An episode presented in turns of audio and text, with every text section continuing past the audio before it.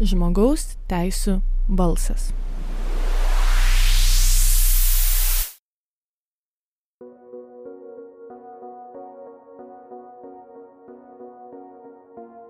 Sveiki, jūs klausote Start FM radio 94,2 FM Vilniuje, žmogaus teisų balso laidos ir e, šiandien vėl antradienį, vėl penktą valandą sveikinuosi aš, šios laidos vedėja Marija. Kągi, aš vėl sveikinuosi iš savo namų. Karantinas vis dar tęsiasi, vis dar pratestas, ar ne?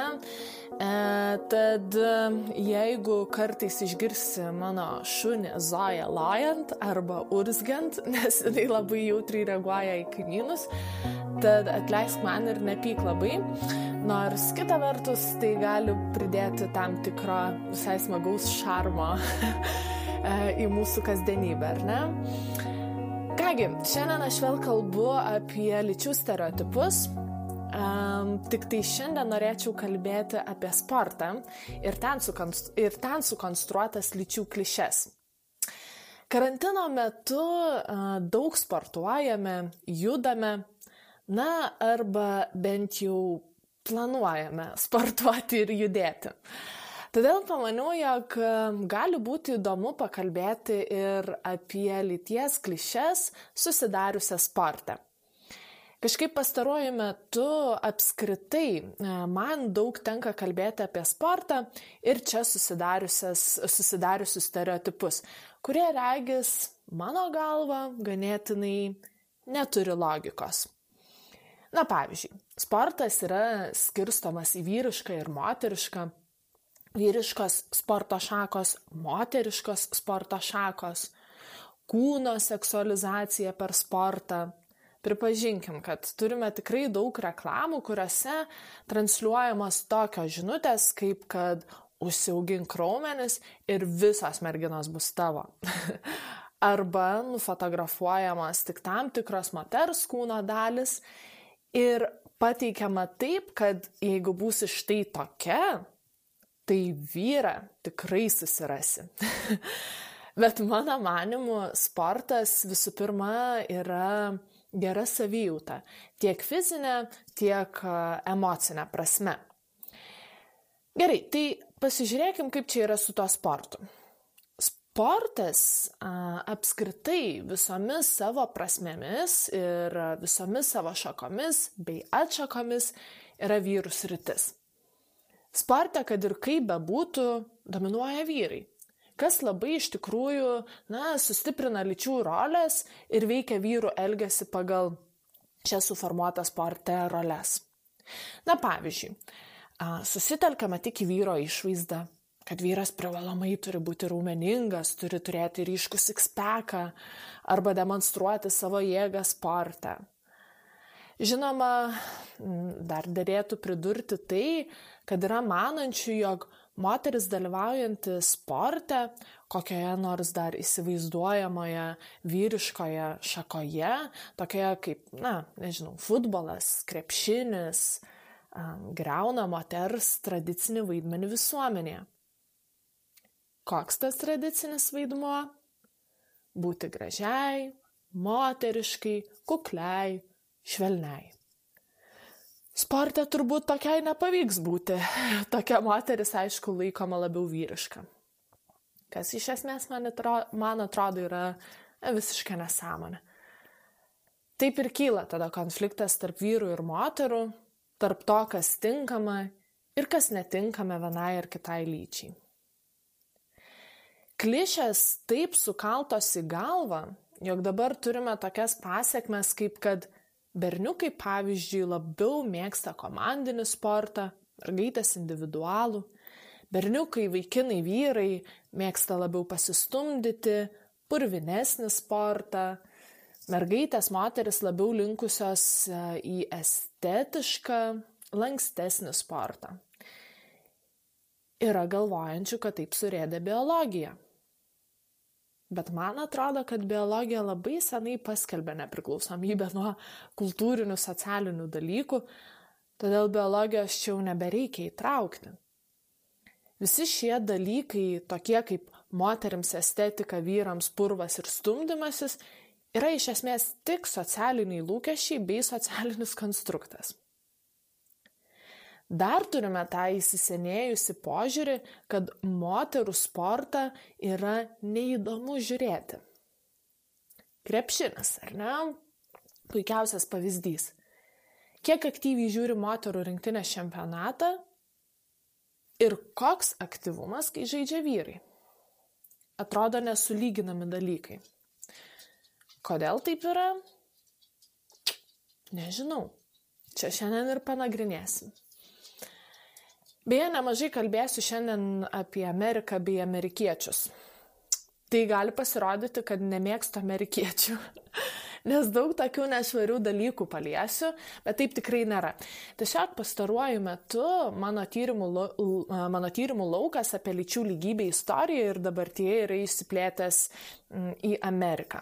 Kažkaip man pasirodė ganėtinai ne, ne tik dabar, bet ir iš anksčiau man Amerika buvo viena iš įdomesnių šalių ir jos visuomenė. Todėl dabar tas lyčių stereotipų laukas ten, koks susiformavo per istoriją, man iš tikrųjų tapo labai įdomus. Gerai, tai panagrinėkim, kaip moteris jaučiasi sporte. Turiu pripažinti, e, jog gyvename tikrai e, ganėtinai seksistinėje visuomenėje. Ir nebūtinai apie Lietuvą kalbu, čia turiu omenyje daugelį kultūrų ir daugelį visuomenių. Todėl moteriams sporte e, yra suteikta, na, aš sakyčiau, tam tikra uh, negalė. Tokia negalė yra atėjusi ne iš niekur. Per amžius moteris negalėjo užsimti sportu, nes joms demonstruoti fizinę galę ar fizinį pasirengimą tiesiog nederėjo. Na, turėkime omenyje, kad ilgą laiką moteriams nešioti ir kelnes buvo nelegalu. Tai kaip galime kalbėti apie sportą? Kadangi esu istorikė, noriu šiek tiek pakalbėti apie moteris sportę per tam tikrus istorijos laikotarpius. Ir pradedant istorijos mokytojutės pasakojimus, norėčiau pradėti nuo tokio klausimo. Ar gali būti, kad biologija suteikia galimybės, o kultūra jas draudžia? Ir šitą klausimą prisimink, nors aš jį dar pakartosiu, bet labai norėčiau, kad apie šį klausimą tu nuolatos galvotum, kol aš kalbėsiu apie tai, koks buvo santykis moters su sportu, na, pavyzdžiui, šiandien paėmiau XIX amžių. Tai koks santykis buvo moters ir sporto XIX amžiuje? Ir ar gali būti, kad biologija suteikia galimybės, o kultūra jas draudžia, ar ne? Tai aktyvesnį moterų dalyvavimą sportą iš tikrųjų galima pastebėti XIX amžiuje. Kita vertus, baltoji moteris XIX amžiaus Amerikoje buvo vertinama už kuklumą, neįsišokimą, o apie sportą buvo sakoma, kad jis kenkia moterų vaisingumui. Toks požiūris pačioje JAV išliko ir po vergyjos panaikinimo, tai jau yra XIX amžiaus gerokai antra pusė, bet čia kalbam apie baltąją moterį kuri turėjo tokia, tokioje visuomenėje palyginus tikrai privilegijuotą padėtį. Jų vergės, tarnės, juodaodės moteris galėjo užsimti sportu, fizinę veiklą, bet irgi ne per daugiausiai ir ne per stipriai aktyvių sportų. Ir be abejonės ta fizinė veikla dažniausiai buvo susijusi su darbu laukose, darbu šeimininkės namuose. Tačiau XIX amžiaus pabaigoje atsiranda sporto šakų, bet na tokių labiau priimtinų moteriams aristokratėms ir tik baltosioms. Kokios tos sporto šakos? Tenisas, šaudimas iš lanko, plaukiojimas. Tiesa, plaukioti galėjo tik atskirtose vietose nuo juodaodžių. O ta Amerika su savo vergystės ir segregacijos reikalais. Ai, o dar, gal, dar gali paklausti, kodėl tik moteris aristokratės galėjo užsimti tokiais sportais. Tam reikėjo turėti pinigų. Moteris sporte XIX amžiuje siūdavosi tokius sportinius kostiumus, kurie pabrėžtų moteriškumą. Tokį, koks buvo būdingas tam metui. Per sportinį kostiumą taip pat galėjo moteris pademonstruoti e, savo padėtį visuomenėje bei turimus turtus. Na ir žinoma, kainavo sportinė įranga. O tai įpirkti galėjo tik aristokratės. Dar kitas dalykas, kuris man pasirodė ganėtinai įdomus, tai kad net tame sporte, fizinėje veikloje, kuriuo užsiimti 19, 19 amžiaus amerikietės galėjo, buvo net ne apie patį sportą vis tiek. Čia žaisdamos jos vis tiek negalėjo rodyti agresijos, noro varžyti su kita moterų komanda. Tad auksinis raktas, toks norėčiau sakyti, sporte vis tiek buvo moteriškumo demonstravimas. O to meto moteriškumas tik apie kuklumą, tik apie grožį ir tik apie švelnumą ir tik apie vaisingumą. Užsiminiau, kad moteris XIX amžiuje ir žymiai anksčiau aktyviai sportų užsimti negalėjo. Nes to meto visuomenininkai, visuomenininkai, e, beje dauguma jų vyrai, nusprendė, kad tokia aktyvi veikla kenkia moters vaisingumui. Dar Aristotelis, kuris mano supratimu visiškai buvo seksistas, nelaikęs moters absoliučiai žmogumi, teigia, kad moteris dėl reprodukcinės sistemos turi limituotai energijos, kurią ir taip išnaudoja kas mėnesį per menstruacijas. wow. Tad XIX amžiuje buvo įprasta manyti, kad per didelis mokymasis, važinėjimas dviračiu ir kitos sportinės veiklos padarys moteris nevaisingomis.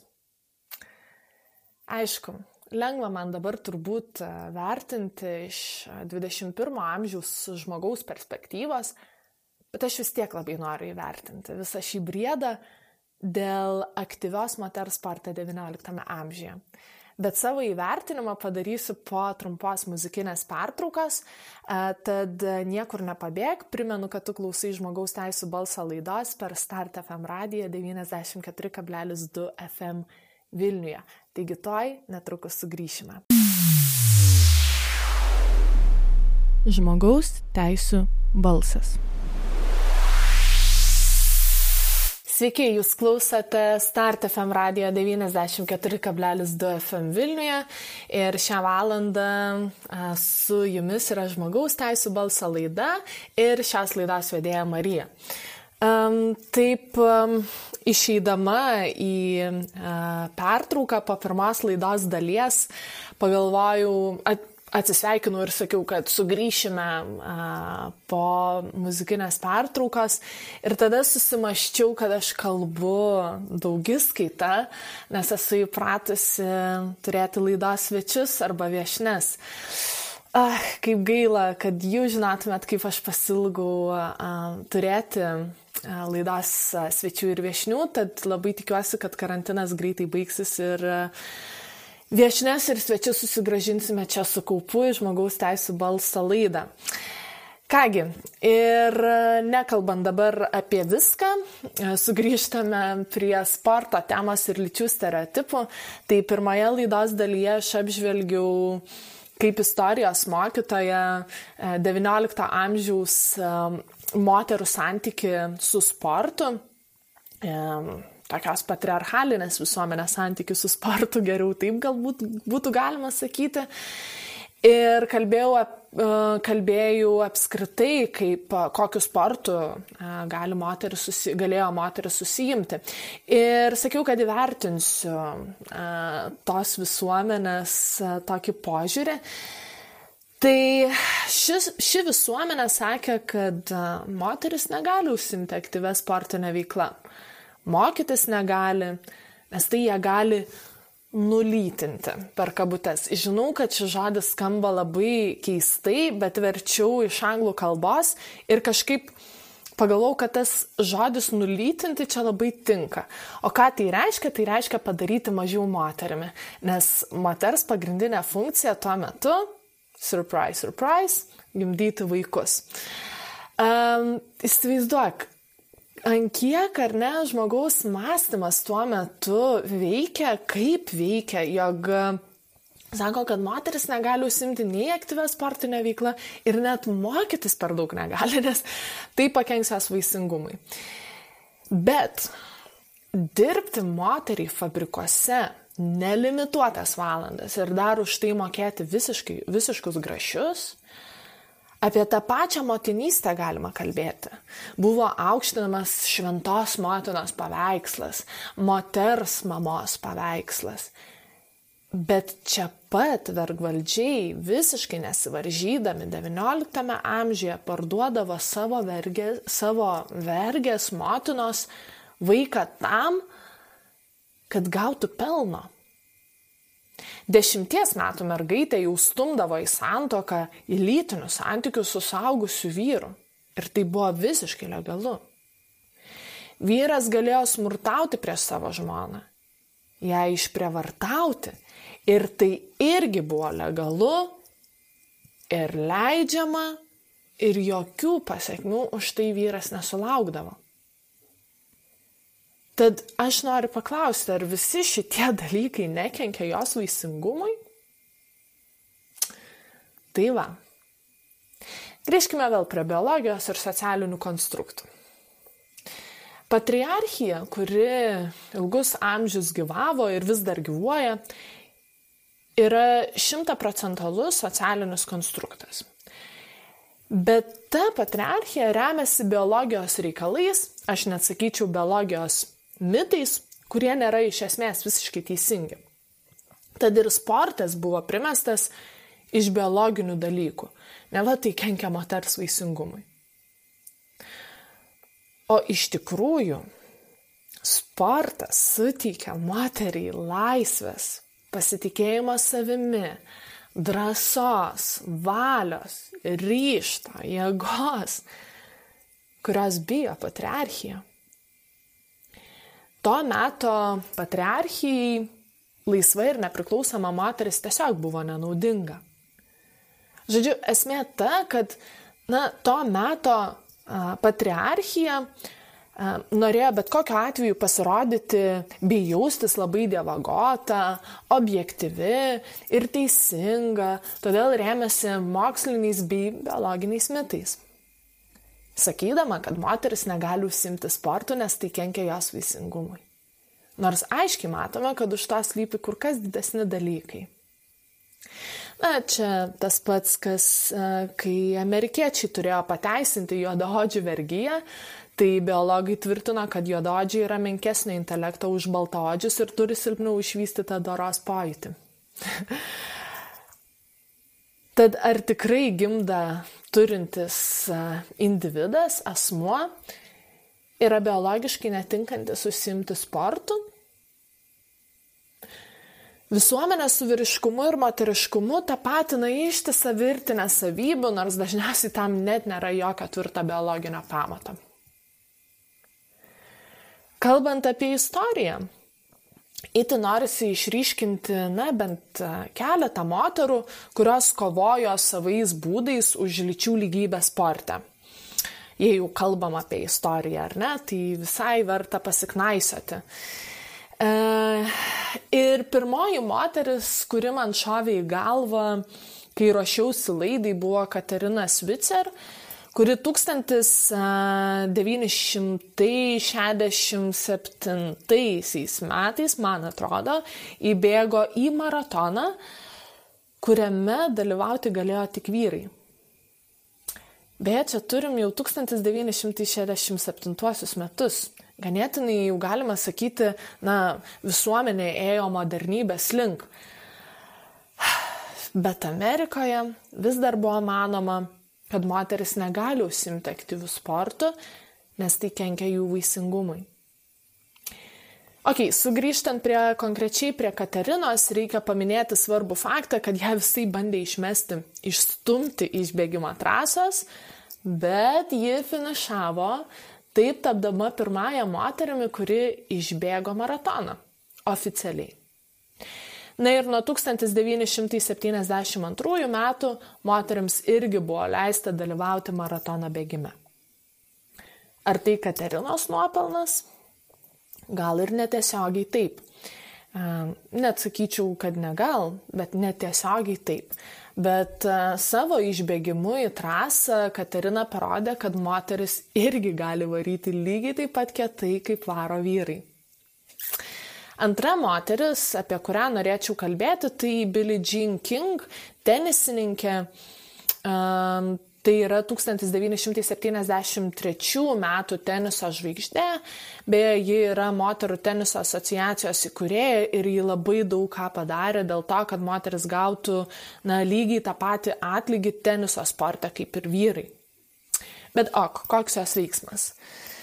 Na, tas toks ryškiausias, ar ne? Tai um, Houstone Billie Jean teniso dvikovoje susikovė su Bobby Riggs. Ir dviko, dvikova vadinosi The Battle of the Sexes. Tai tokia, na, tarsi akcija buvo uh, sukurta tam, kad atkreiptų dėmesį į uh, neligybę tarp lyčių teniso sporte. Na ir tokių šauklių, kurios šaukia apie lyčių lygybę, buvo nemažai, yra nemažai ir aš paėmiau tik porą tokių atvejų ir tik iš 20-ojo amžiaus, bet yra tokių šauklių ir 21-ame amžiuje, vėlgi ta pati, pavyzdžiui, Amerika.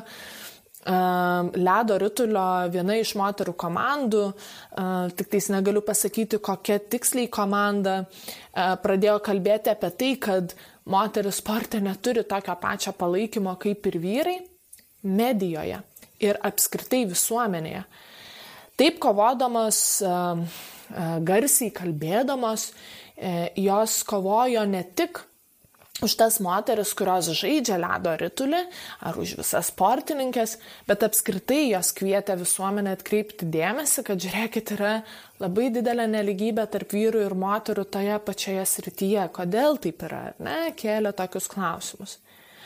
Ir baigiant istorijos pasakojimus iš istorijos mokytojutės, Galiu pati atsakyti į pirmą užduotą klausimą. Prisimenu, kurį uždaviau, ar ne, ir sakiau, kad įsimink. Tai biologija iš tikrųjų suteikia galimybės. Deja, bet kultūra draudžia. O kas kuria kultūrą? Žmonės. Taip, būtent mes patys ir pačios sukūrėme tam tikrą kultūrą, kurioje neleidžiam žmonėms tiesiog laisvai veikti ir rėminam juos ir jas į tam tikrus lyčių dalykus, kurie neveda niekur. Tai ties čia ir sustokim, Sugryšiu po pertraukos ir e, po pertraukos jau kalbėsiu apie šių laikų visuomenę ir moterį sportą 21 amžiuje. Primenu, kad tu klausai žmogaus teisų balso laidos per Start FM radiją. Netrukus sugrįšim, tad niekur nepabėg. Žmogaus teisų balsas. Taigi sveiki sugrįžę į Start FM radiją 94,2 FM Vilniuje. E, čia sveikinasi su tavim žmogaus teisų balso laida ir e, jos laidos vedėja Marija. Primenu, kad šiandien kalbame apie sportą ir čia susidariusius lyčių stereotipus. Ir ypatingai čia man šiandien norisi paliesti moterų temą. E, ir tiek pirmoje, tiek antroje laidos dalyje aš kalbėjau apie tai, su kokiais lyties stereotipais susiduria e, moteris sporte, e, bei šiek tiek prabėgų per istorijos faktus ir supažindinau tave su, na, tiesiog paėmus vieną laikotarpį, XIX amžių, ir supažindinau, kaip ten moteris kokį santykių moteris turėjo su sportu. O kaip yra dabar? Kaip yra su šio laikinė patriarchija? Ką turim dabar? Aišku, liberaliau į viską žiūrim. Tad moteris tikrai gali užsimti sportu ir kokį tik nori. Labai tuo džiaugiuosi. Nes aš pati daug sportuoju. Man labai patinka varžytis, konkuruoti, labai patinka kardio sportai, kurie, na, gal kitų požiūrių nebūtų įtin moteriška. Esu beje girdėjusi replikų, kad mano sikspekas turėtų būti švelnesnis, na toks labiau moteriškesnis, nes dabar atrodau truputį vyriškai. Na tai va taip va ir gyvenam, ar ne? Dar džiaugiuosi, kad e, turime moterų sportininkių, kurios savo pasiekimais e, žengia į aukštumas ir taip, kad ojojoj. Ir rodo, kad fizinė jėga priklauso ne tik vyrams. Jau dabar neįsivaizduoju Lietuvos be rūtos meilutytės. Jei gyventume XIX amžiuje, rūtos iš vis neturėtume, jau būtų ten uždarytas su vyrais ir trimis vaikais. Bet kažkodėl taip yra, kad uh, moteris sporte nėra tokios įdomios. Ok, rūta nustebino mus visus, nors gal tai šiaip iš esmės ir neturėtų stebinti, kai žmogus treniruojasi be perstojo, bet kokiu atveju, uh, bet kokiu atveju moteriams uh, nėra skiriama daug dėmesio žiniuose, sporto rubrikoje. O kai laimi moteris, labai ją aukštiname. Bet dažniausiai ne už patį pasiekimą, o pabrėžiame, kad tai, kokį rezultatą iškovoja moteris. Bet o gal tiesiog žmogus? Apie dabartį kalbant galiu pradėti iškart nuo sakinio. Bėgi kaip mergaitė arba meti kamolį kaip mergaitė. Girdėta? Aš net nebejoju. Kadangi esu mokytoja, dažnai girdžiu, ką kalba labai jauni vyrukai. Man ausis linksta išgirdus, kai berniukas berniukui, penktokas penktokui sako, nesel kaip mergaitė. Štada klausiu, palauk, o kas yra blogai su buvimu mergaite? Kodėl tu įmi ir šitaip kalbi? Dažnai atsakymo aš ne, nerandu. Neišgaunu tai yra. Ką tai rodo? Rodo, kad mūsų jaunoji visuomenės dalis jau yra seksistinė, tik ji pati to nesuvokia. Deja, vis dar turime tą stereotipą apie vyrišką ir moterišką į sportą. Imkim jogą, zumbą, juk ten pilna moterų. Kiek iš jų ten atėjo, nes buvo pasakyta, kad tai moteriškas sportas. O boksas, karate, krepšinis, futbolas. Kiek čia yra moterų? Ir kiek jų neišdryso ateiti į šį sportą, nes joms buvo pasakyta, kad tai nemoteriška, geriau iki joga.